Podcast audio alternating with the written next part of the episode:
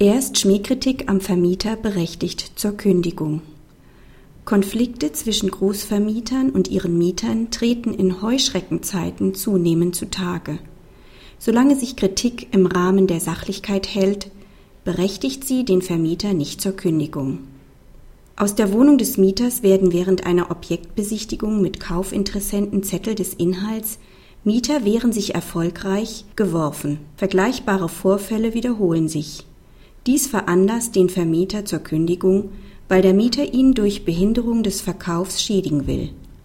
Das Amtsgericht gibt der Räumungsklage statt, das Landgericht weist sie ab. Vor dem Berliner Verfassungsgerichtshof bleibt die Beschwerde erfolglos.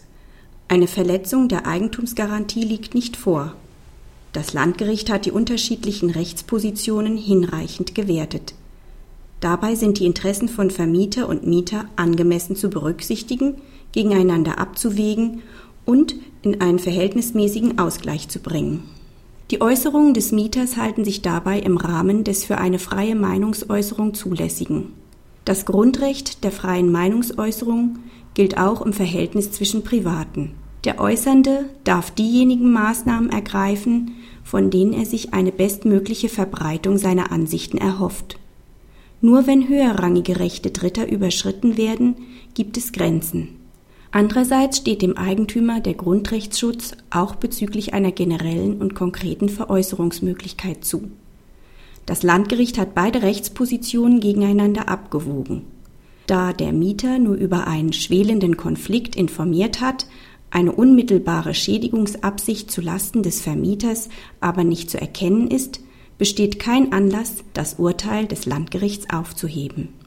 Praxishinweis Der Verkauf größerer Wohneinheiten nimmt, insbesondere seitens der öffentlichen Hand, zu.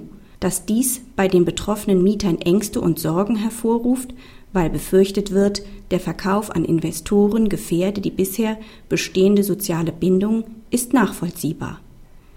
Solange sich Meinungsäußerungen im Rahmen der Sachlichkeit bewegen, muss der Vermieter sie hinnehmen. Verallgemeinernde Rückschlüsse lassen sich aus der Berliner Entscheidung jedoch nicht ziehen. Insbesondere muss der Mieter bedenken, dass der Grad zwischen sachlicher Kritik und Schmähkritik schmal ist. Wird er verlassen, droht nicht nur eine Kündigung. Ein solches Verhalten kann vielmehr auch Schadensersatzansprüche nach sich ziehen.